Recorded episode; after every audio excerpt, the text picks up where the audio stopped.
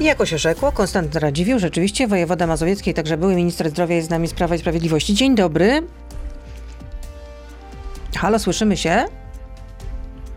O, wyłączył pan mikrofon, proszę bardzo. Bardzo przepraszam. Nie, nie szkodzi, nie zdarza się. Przepraszam, dzień dobry jeszcze raz. Dzień dobry. Mm, panie wojewodo, no narasta kryzys kadrowy w mazowieckich szpitalach. Ile lekarzy czy pielęgniarek brakuje przy łóżkach covidowych y, y, na Mazowszu?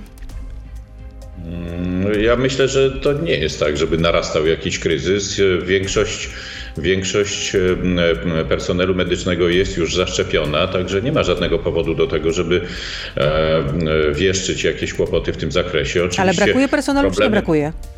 E, Pani redaktor, nie brakuje ich więcej niż normalnie, natomiast e, można powiedzieć, że e, rzeczywiście wyzwaniem jest przede wszystkim e, obsada lekarska, pielęgniarska, a także innych e, profesjonalistów medycznych w szpitalach tymczasowych. W innych szpitalach tej kadry nie brakuje jakoś bardziej niż kiedykolwiek indziej. To gdzie jest najgorzej?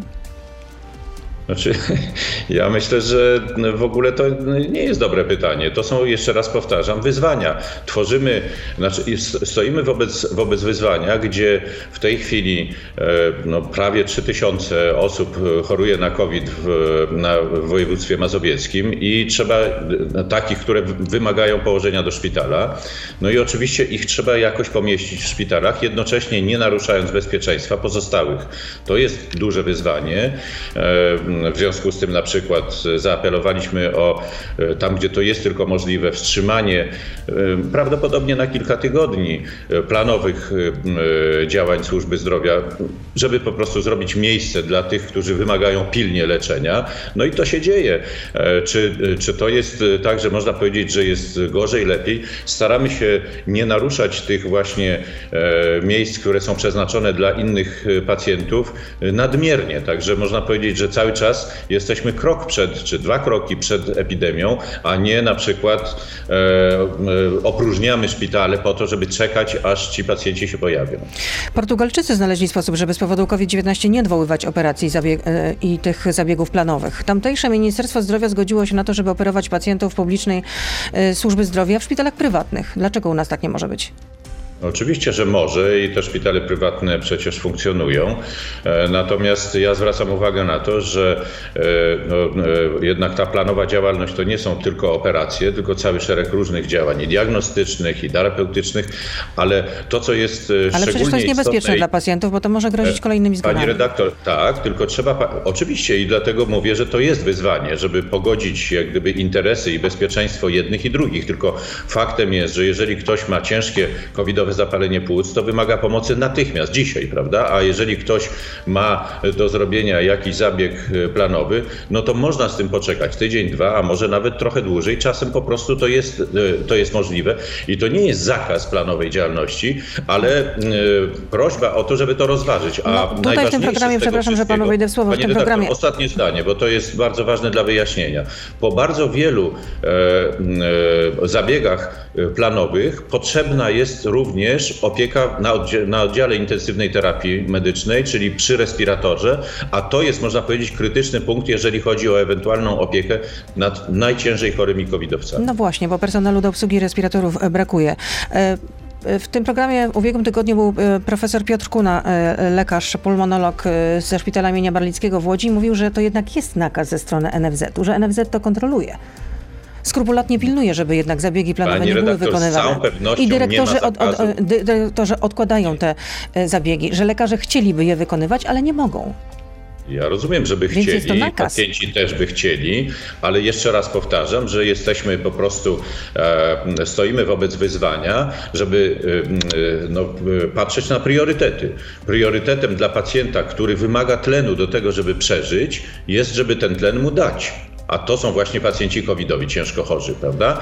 I jeżeli w tym samym czasie mamy, czy na, na drugiej szali mamy na przykład pacjenta, który wymaga e, operacji e, wymiany stawu biodrowego, to oczywiście przecież ta operacja nie jest e, żadną fanaberią. Ona jest konieczna, ona jest potrzebna i ona e, niewykonanie jej oznacza e, jakieś przedłużone cierpienie tego pacjenta, prawda?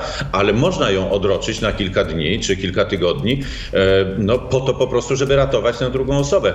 To jest wybór czy, czy dylemat, który stoi przed nami aktualnie i moim zdaniem no, dokonanie tego wyboru na rzecz tych pacjentów, którzy pilnie potrzebują pomocy jest zupełnie oczywiste. W ogóle nie, nie, nie powinno być wątpliwości. I to nie tylko minister zdrowia, czy wojewoda, czy, czy szef Narodowego Funduszu Zdrowia, ale każdy lekarz powinien to widzieć. Są sytuacje, w których musimy wybierać i taką właśnie mamy teraz. No, twierdzi pan, że nie ma problemów e, z personelem medycznym na Mazowszu. E, a czy nakazy administracyjne w tym zakresie rozwodzi lekarzom e, policja? Tak informuje Krzysztof Strzałkowski, szef Komisji Zdrowia Mazowieckiego Sejmiku. Tak, to prawda. E, jeszcze raz wracam do tego, że chodzi o obsadę do szpitali tymczasowych, a konkretnie właściwie no, można powiedzieć ostatnie dni to bardzo intensywna akcja e, zapewniania e, personelu do tak zwanego szpitala południowego w Warszawie. Na I udało się uzupełnić ja, ten personel? Ja przypomnę, że to jest szpital, który dzięki dofinansowaniu, a także dosprzętowieniu, czy właściwie zaopatrzeniu w sprzęt, cały sprzęt, przez budżet państwa i agencję Agencję Rezerw Materiałowych w ogóle mógł ruszyć. On miał ruszyć już 22 stycznia. Pytam, czy, Miasto, które czy uzupełniono liczbę personelu? Czy udało się, się, Bo czytałam, że właściwie y, dał pan tylko 24 godziny na uzupełnienie personelu i lekarze mówili, z, z dyrektorzy szpitali miejskich, że jest to po prostu niewykonalne. Nie, to jakieś, to jakieś no, mówiąc tak już bardzo delikatnie, fake newsy. Pani redaktor, no naprawdę tak nie jest. E, to, że ten szpital wymagał nie tylko dokończenia od strony budowy, wyposażenia w sprzęt, który w który zaopatrywaliśmy ten szpital, e, ale jeszcze oprócz tego potrzebuje personelu, to było wiadome już od listopada, bo przecież wtedy przyszła decyzja na ten szpital i wszyscy powinniśmy się do tego przygotowywać. E, wojewoda otworzył na stronie stronie internetowej rekrutację i pozyskaliśmy ponad 800 osób, różnych profesjonalistów medycznych i na bieżąco do szpitala na Solcu, który jest szpitalem patronackim dla szpitala południowego, y, przesyłaliśmy wielokrotnie dane o, o osobach, które zgłosiły się do pracy. Te y, maile, z tego co wiem, to nie były nawet otwierane. Bardzo mi przykro z, z tego powodu, ale nie chcę tutaj się pastwić nad tym. Musimy kończyć część radiową. Czy uzupełniono brak braki w personelu. A no właśnie, było z czego wybierać i jakoś no, nie widać e, postępu. Miasto, e, również ustami pani wiceprezydent miasta, pani Renaty Kaznowskiej, mówiło, że nie ma personelu. Wobec tego zwróciłem się do wszystkich szpitali e, warszawskich, a także do prezydenta miasta Warszawy o to, aby spróbować zrobić to troszkę jeszcze inaczej. To znaczy, żeby każdy szpital w cudzysłowie oddał pięciu lekarzy, dziesięć pielęgniarek na szpital południowy. Musimy kończyć, Co się okazało? panie wojewodo, więc pytam, czy, czy, czy udało się, czy nie? Dwóch pielęgniarek y, propozycję dostałem z jednego szpitala. To jest, to jest cały wysiłek miasta w tym zakresie. Wobec tego następ, w następnym etapie zacząłem kierować e, lekarzy i pielęgniarki e, z rejestrów, no bo po prostu nie mam innych zasobów i rzeczywiście tego typu, e, można powiedzieć, skierowania takie mobilizacyjne, zgodnie z przepisami, e, dostarcza do domów e, lekarzy i pielęgniarek policja. No takie są zasady. A któż miałby je dostarczać? I tutaj kończymy. Wojewoda Mazowiecki oczywiście z nami zostaje. Jesteśmy na Facebooku, na Radio ZPL. Beata Lubecka, zapraszam. I jako się rzekło, dzisiaj gościem Radia Z jest wojewoda mazowiecki, były minister zdrowia Konstanty Radziwił. Panie wojewodo, dlaczego nie stworzył pan powszechnej e, bazy pracowników zawodów medycznych, którzy chcieliby z własnej, nieprzymuszanej woli pracować na oddziałach covidowych? Po pierwsze, e, bazy zarówno lekarzy, jak i pielęgniarek istnieją i nie trzeba ich tworzyć.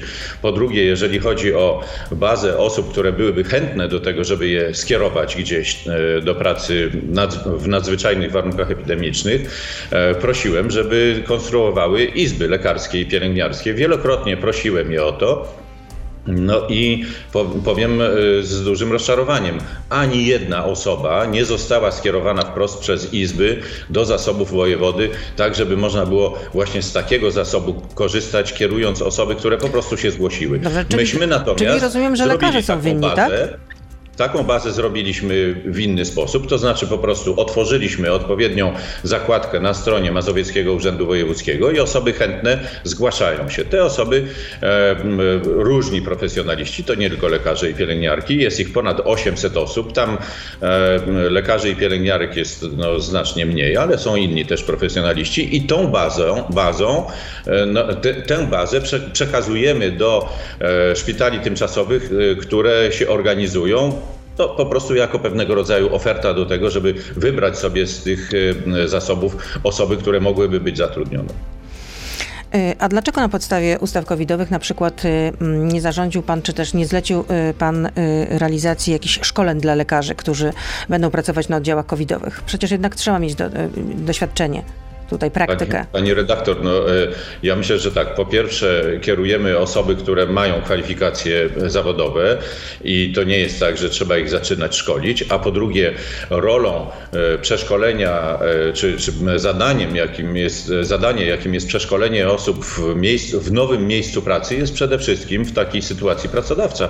Proszę pamiętać, że szpital tymczasowy nie jest tworzony z dnia na dzień, tylko decyzje, na przykład decyzja o tym, że szpital E, południowy ma powstać na Ursynowie, e, zapadła w listopadzie. Także no, czasu na to, żeby e, ewentualnie doszkolić, no nie przeszkolić, tylko doszkolić personel, który miałby tam być zatrudniony, naprawdę było dużo, zarówno na terenie szpitala na Solcu, który jest szpitalem patronackim, jak i na przykład w innych szpitalach warszawskich. Czyli pan, Nikt rozumiem, że stawia tezę, że ze swojej strony pan dołożył wszelkich starań, natomiast winni są dyrektorzy szpitali, tak? Rozumiem, lekarze, izba lekarska.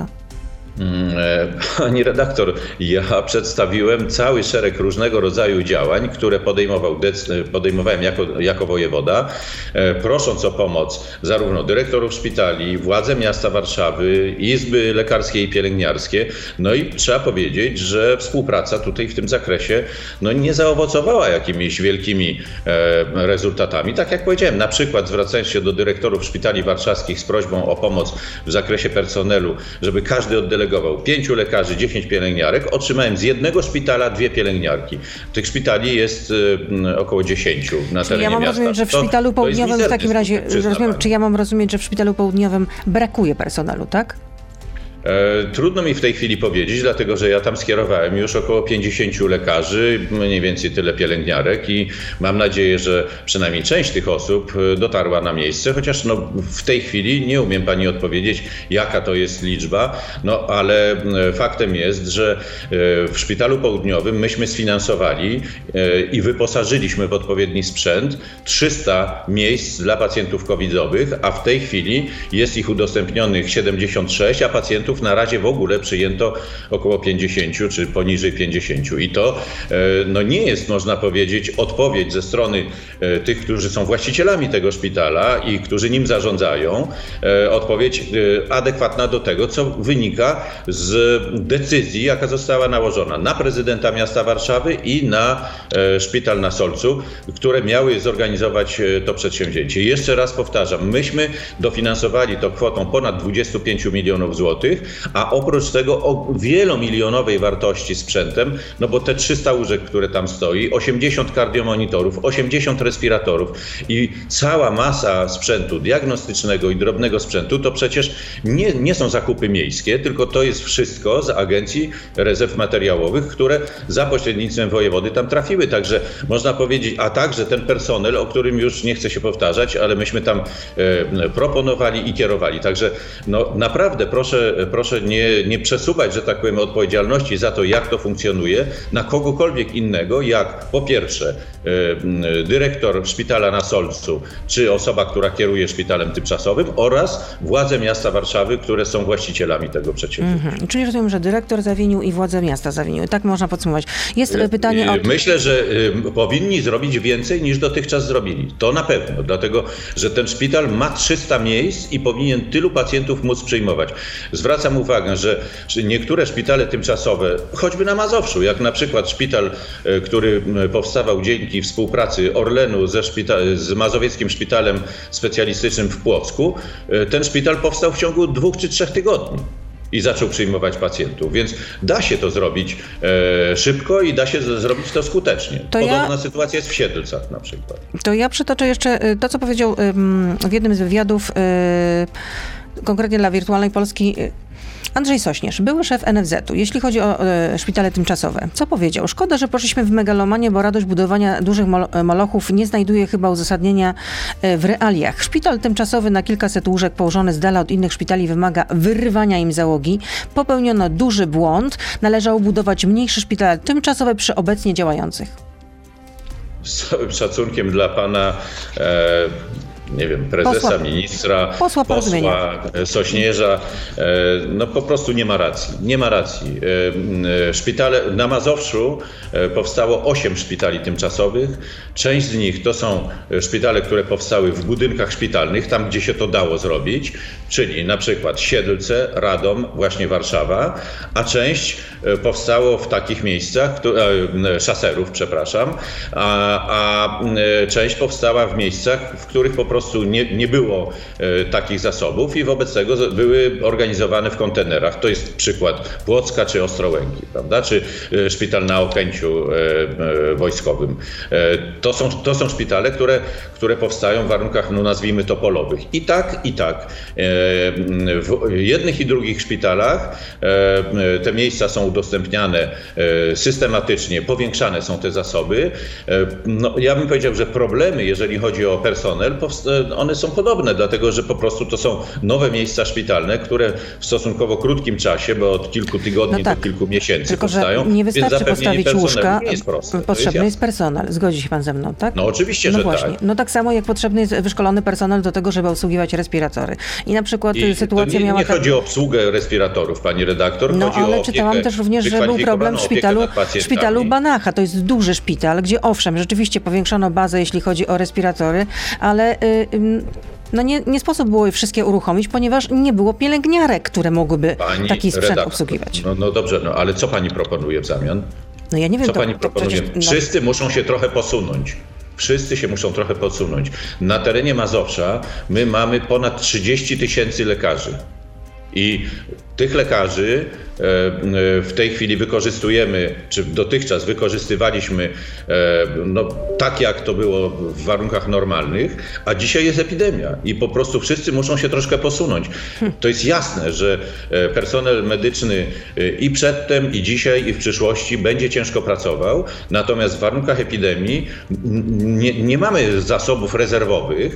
Co prawda są próby pozyskania lekarzy czy pielęgniarek z zagranicy, ale to, to nie są, nie są takie liczby, które by wystarczyły. Ja zwracam uwagę na to, że na przykład, że w tej chwili na terenie Mazowsza, na te 30 tysięcy y, wszystkich lekarzy, około 30 tysięcy wszystkich lekarzy, powstało w tej chwili około no, nieco ponad 600 miejsc w szpitalach tymczasowych. To naprawdę dałoby się tymi zasobami spokojnie obsłużyć. I myślę, że powinniśmy raczej potraktować to nie, że ten czy tamten powinien to zrobić, tylko powinniśmy to zrobić razem. I o to cały czas apeluję zarówno do organów założycielskich szpitali, takich jak miasto Warszawa, do izb lekarskich i pielęgniarskich, a także do dyrektorów szpitali, którzy zatrudniają e, personel, który naprawdę można by e, wykorzystać w niewielkim odsetku, bez naruszania e, działania tych placówek, do szpitali tymczasowych. I zresztą powiedzmy sobie, że. Tylko pamiętam, tylko pamiętam panie wojewodo, że. Ale ja był... traktuję to jako wyzwanie, bo to nam się udaje koniec końców. Tylko ja pamiętam też, kiedy był protest rezydentów, czyli młodych lekarzy, to co słyszeliśmy od niektórych polityków Prawa i Sprawiedliwości? Niech jadą. No jak ich wtedy potraktowano? No to... Pani redaktor, nie ja to powiedziałem i myślę, że to e, było wiele lat temu powiedziane. No nie wiele lat temu. No kiedy był protest rezydentów? W 2018 słowa. roku, jeśli nie pamięć to nie, nie były pan, szczęśliwe słowa. No był to i pan wtedy był ministrem zdrowia. Ale to nie ja powiedziałem. Ja prawda? wiem, ale ja nie powiedziałem, że to pan powiedział. I nigdy, w życiu, I nigdy w życiu bym tak nie powiedział. Wiem, że w Polsce y, potrzeba lekarzy i pielęgniarek, i, ale y, jakby teraz jest zupełnie inna sytuacja. Mamy epidemię i po prostu musimy musimy podzielić się tymi zadaniami. Ale pan powiedział, spokojnie. że wyprzedzamy epidemię o, rok, e, o, o, krok albo dwa. No nie wyprzedzamy generalnie, bo gdyby wyprzedzamy. na przykład był e, sprawniejszy sanepid, e, gdzie pracowałoby więcej ludzi, no to można by po prostu mieć skrupulatne diagnozy epidemiologiczne, których nie mamy i o tym też Pani mówią redaktor, lekarze. proszę nie tworzyć wrażenia, że nie dajemy sobie z tym rady, bo jak dotychczas, jeżeli można mówić o pewnego rodzaju ograniczeniach i problemach, to one dotykają przede wszystkim pacjentów niekowidowych. Właśnie dlatego, że zrobiliśmy dużo miejsca dla pacjentów covidowych. No właśnie, no Nikt wszystkie ręce tych, na, ko- na podkład, jeśli chodzi o pacjentów covidowych, a co zresztą generalnie? Przecież ważna jest również diagnostyka. No komu jak komu, to ja panu Panie muszę redaktor, tutaj... Łóżek, chodzi o to, żeby szybko wykryć e, e, chorobę i, ją, e, i z nią z, zacząć walczyć. No to komu jak komu, ale ja panu nie muszę tłumaczyć. No pan jest lekarzem, ja nie. Nie, nie, proszę mi nie tłumaczyć, bo ja naprawdę wiem, o czym rozmawiamy. No właśnie, no to e, Łóżek mówię. covidowych na terenie Mazowsza w tej chwili mamy około 3000, a wszystkich łóżek szpitalnych na terenie Mazowsza mamy około 26 tysięcy. Więc proszę nie mówić, że pacjenci niekowidowi no, musieli raptem gdzieś się e, zwinąć i ich nie ma. Są, jak najbardziej przytłaczająca większość służby zdrowia no, na Mazowszu chociaż, pracuje no na tak, ale chociażby z informacji, na, e, które e, są umieszczone na, e, na stronie Urzędu Mazowieckiego, Urzędu Wojewódzkiego, wynika, że na przykład na OJOMach nie ma miejsc w województwie. Nie wiem z jakich informacji to wynika. Z całą pewnością miejsca na OJOMach, zarówno covidowe, jak i niecovidowe są. Covidowych, covidowe no to nie wiem, kto w takim razie zawiadu, zawiaduje tą stroną. codziennie. Przypomnę, że dzisiaj gościem Radia Z jest Konstanty Radziwy, e, wojewoda mazowiecki, były minister zdrowia. Zapytam o tym, co się e, wydarzyło w Radomiu. Jaki był sens zawierzania dyrektora e, Szpitala Miejskiego w Radomiu Marka Pacyny? Na dwa dni przed terminem ja oddania szpitala tymczasowego. Ja wcześniej wspominałem o tym, że e, na Mazowszu powstało osiem szpitali tymczasowych i każdy szpital e, zasługiwałby na osobną, powiedziałbym, epopeję, ale generalnie można powiedzieć, że mimo różnych trudności, to współpraca z tymi, którzy budowali te szpitale, w tym przypadku e, na przykład spółki Skarbu Państwa, z dyrektorami szpitali, na ogół, mimo że z pewnymi trudnościami, to jednak doprowadzała do tego, że w ciągu kilku, najdalej kilkunastu tygodni te szpitale powstawały. Czasem kilku, bo na przykład. Ale ja e, pytam o tę konkretną czy, sytuację. Czy Jaki Siedlce, był sens zawieszania dyrektora Szpitala Miejskiego w Radomiu? No właśnie, właśnie do tego zmierzam, że jeśli e, dyrektor szpitala w Płocku czy Siedlcach był w stanie we współpracy ze spółką Skarbu Państwa w ciągu dwóch, trzech tygodni razem zorganizować szpital, a dyrektor e, Radomskiego Szpitala Specjalistycznego,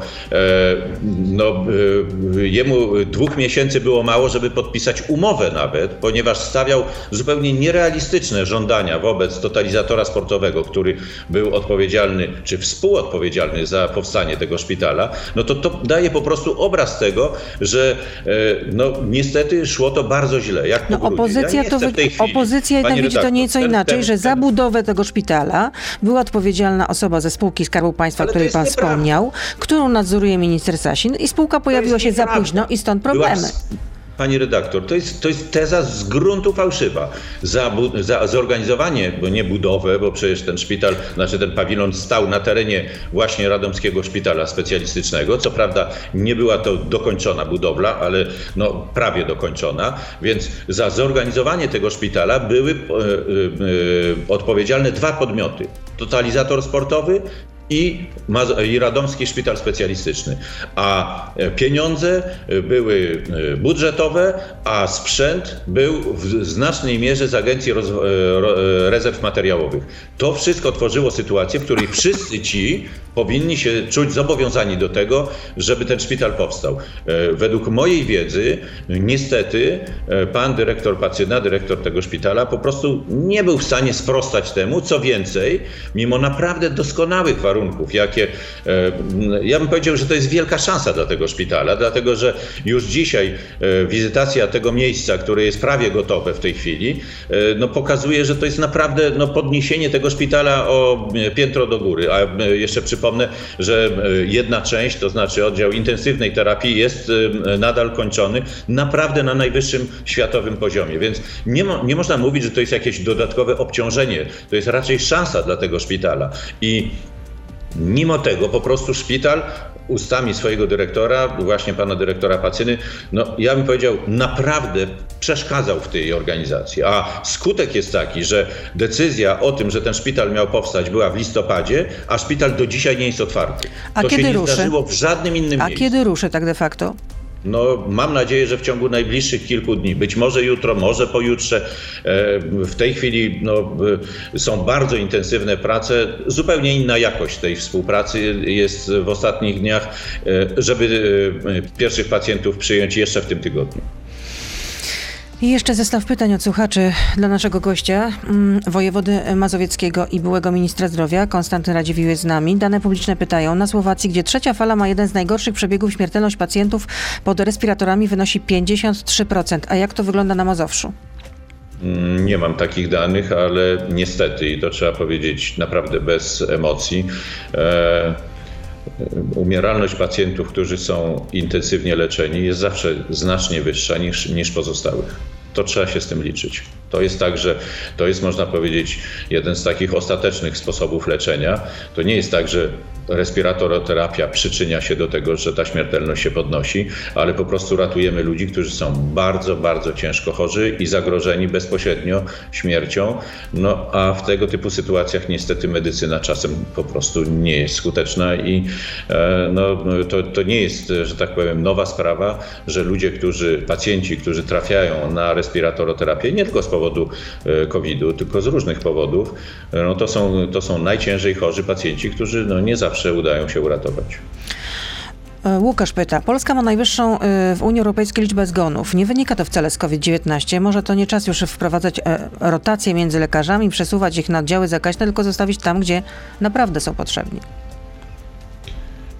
No, to mogę tylko powtórzyć co, to, co wcześniej mówiłem. W danym momencie E, to jest e, coś, co się nazywa triażowaniem w ratownictwie medycznym. Udzielamy pomocy w pierwszej kolejności tym, u których nie można jej odłożyć. Takimi pacjentami na dzisiaj są osoby z niewydolnością oddechową spowodowaną chorobą COVID-19.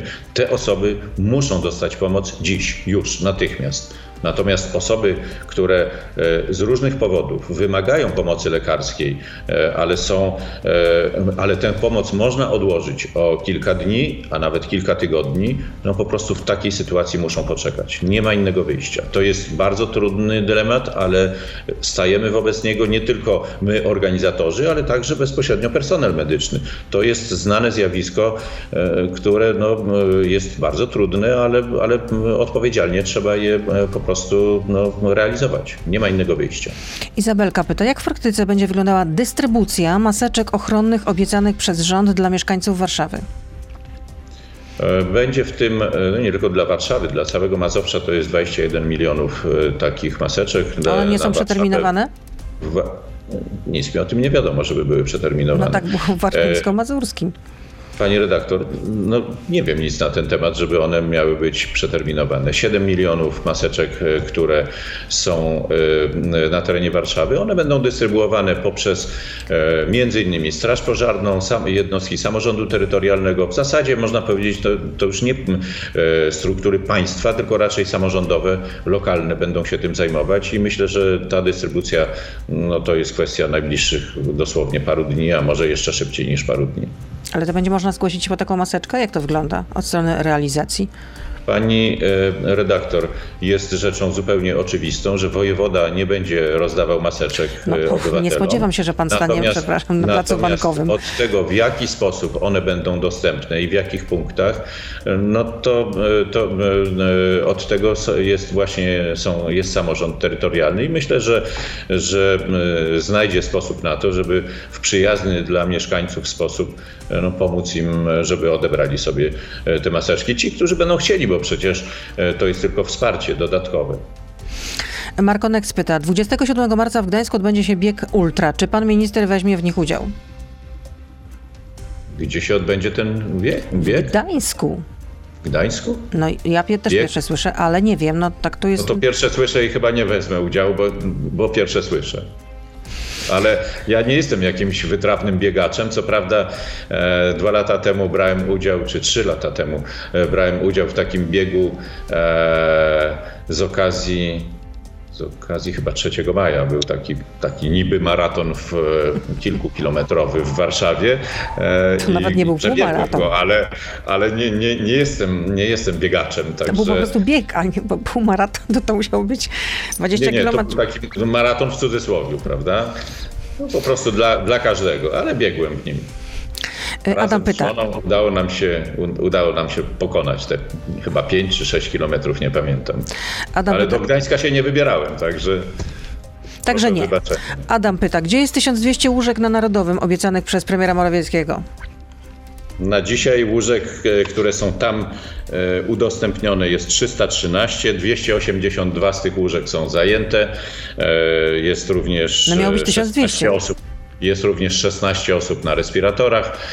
No i w miarę potrzeby, jak widać jest troszeczkę wolnych miejsc i w miarę potrzeby reagujemy takimi modułami. To znaczy jak wypełnia się ta liczba miejsc, które są udostępnione, to wtedy dokłada się 28, bo to jest taka, taki moduł, który ze względów organizacyjnych jest takim, taką podstawową jednostką, również jeżeli chodzi o wyposażenie, e, o personel i tak dalej, i tak dalej. I z całą pewnością, jeżeli będzie trzeba, to będziemy powiększać te zasoby także na Stadionie Narodowym. Ale dzięki Bogu to miejsce jest, bo, bo te 282 osoby no, po prostu znalazły tam opiekę. To jest, to, to naprawdę proszę dostrzec, że tak jest. Dario pyta, jak po kilku latach ocenia Pan swoją decyzję o ograniczeniu dostępu do tabletki dzień po? Czy zna Pan jakieś badania dotyczące efektu tej decyzji? Znaczy decyzję de facto podjął parlament, no ale pan ją mocno, pan mocno lobbował, nazwijmy to w ten sposób, żeby e, parlament podjął taką decyzję. Był nie pan orędownikiem, był pan orędownikiem tak, tego rozwiązania. Nie ma to wiele wspólnego z dzisiejszą moją funkcją, ale myślę, że to była słuszna decyzja. Leki czy produkty lecznicze, które mają wiele działań niepożądanych, co do zasady są na receptę.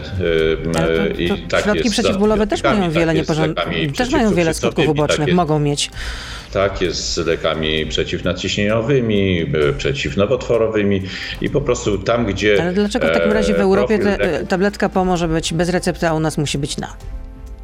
No to już jest kwestia decyzji innych krajów. Myślę, że e, niestety czasem. To inne kraje wycofują dotyczą... się jednak ze szczepienia AstraZeneką, a my tutaj nie. A tutaj byliśmy tacy. A no właśnie to jest bardzo dobrze, że pani o tym mówi, dlatego że e, dzisiaj czytałem wywiad z panem profesorem Maksymowiczem, który świetnie to spuentował, że decyzje w sprawie tego, czy zawiesić, czy nie zawiesić, czy wycofać, czy nie wycofać, często podejmują politycy, zamiast żeby zostawić tę decyzję fachowcom. Fachowcy z Europejskiej Agencji Leków, którzy przebadali tę szczepionkę, uważają, że ona jest bezpieczna, skuteczna i bezpieczna. I myślę, że należy słuchać tych fachowców. Jeśli oni, wiem, że analizują te zgłoszenia niepożądane, niepożądanych e, zdarzeń, które, które miały miejsce, jeśli oni wydadzą komunikat, że należy się wstrzymać z, ze stosowaniem tej e, szczepionki, to trzeba będzie to zrobić. Podobna sytuacja jest z innymi lekami i myślę, że to nie politycy, tylko właśnie ci, którzy odpowiadają za skuteczność i bezpieczeństwo produktów leczniczych, powinni decydować o tym. W tym przypadku właśnie tak było. Google. Wracam jeszcze do tej y, tabletki dzień po, pigułka y, dzień po. No, tak, tak, no, to jest, no, no dostęp do niej jest utrudniony. No taka jest prawda, bo trzeba no, najpierw pójść do ginekologa, znaczy dostać... Utrudniony, no jak to nie? No trzeba redaktor, pójść do ginekologa, to nie jest takie wszędzie proste i łatwe, że można, się, za, że można się zapisać po prostu z godziny na godzinę. No nie ma takiej czy sytuacji. Pani, czy pani może powiedzieć, że na przykład dla cukrzyków dostęp do insuliny jest utrudniony przez to, że jest ona dostępna tylko z przepisu lekarza na receptę? Ale tutaj no ja czas jest tak ważny, 72 godziny. No. To jest y, tak samo jak insulina jest y, produktem, y, który jest wprawdzie niezbędny do leczenia, ale może być niebezpieczny, to ta droga poprzez lekarza jest drogą charakterystyczną w zasadzie dla wszystkich systemów służby zdrowia i gdzie niegdzie Znamy takie kraje, na przykład niektórzy turyści wiedzą, że jak się jedzie do niektórych krajów, to tam można w aptekach kupić wszystko od ręki. To są kraje, które co do zasady oceniane są no, bardzo krytycznie pod względem bezpieczeństwa. A jakie właśnie. to kraje?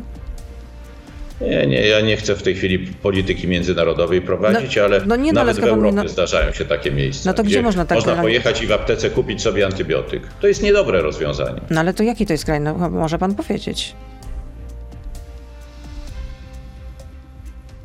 Halo, przepraszam, zamroziło pana, panie wojewodo? Nie, nie zamroziło mnie. No dobrze, no możemy rozmawiać. To są Włochy, to jest Hiszpania na przykład.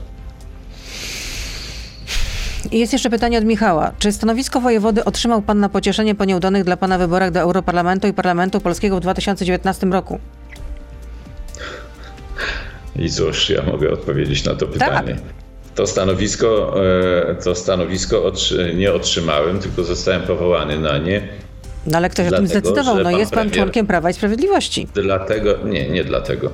E, dlatego, że, że pan A zna pan wojewodę, powołał... który nie byłby z Prawa i Sprawiedliwości? Nie pytałem o to.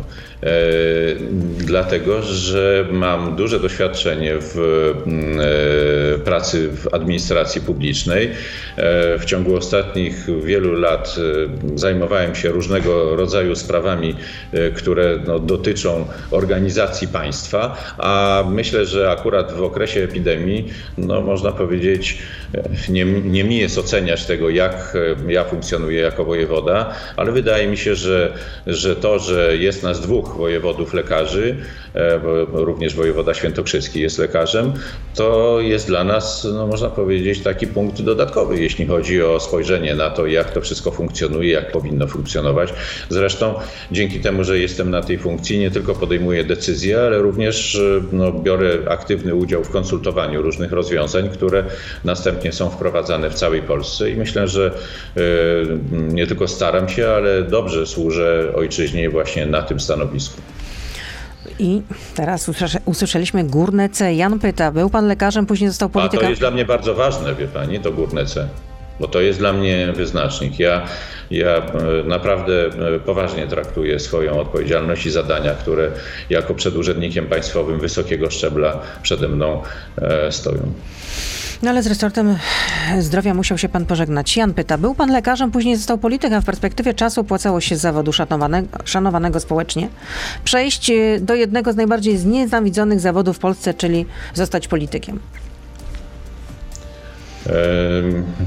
To nie jest tak do końca, mm, że pożegnałem się z zawodem, bo mam aktywne prawo wykonywania zawodu. Jestem nadal nauczycielem medycyny na Warszawskim Uniwersytecie Medycznym. No ale póki Uczę... co nie leczy pan pacjentów.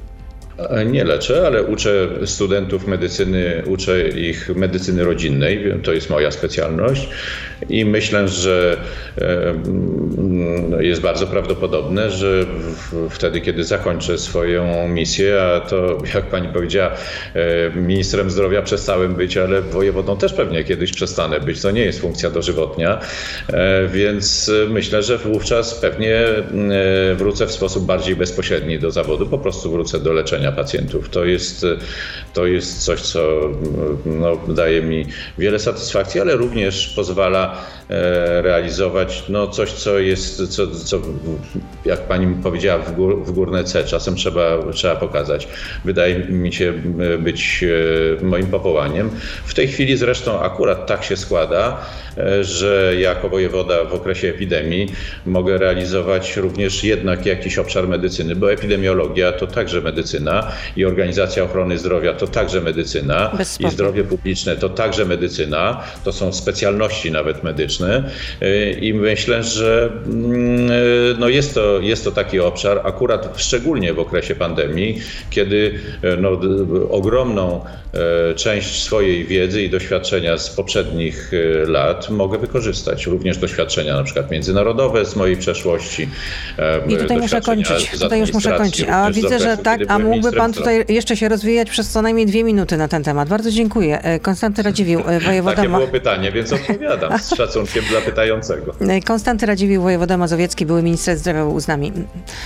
Zdrowia oczywiście życzę nieustająco. Dobrego dnia, do usłyszenia, do zobaczenia i do następnego. Kłaniam się. Bardzo dziękuję za zaproszenie. Kłaniam się, do widzenia. Gość Radia Z. Codziennie po ósmej w Radio Z.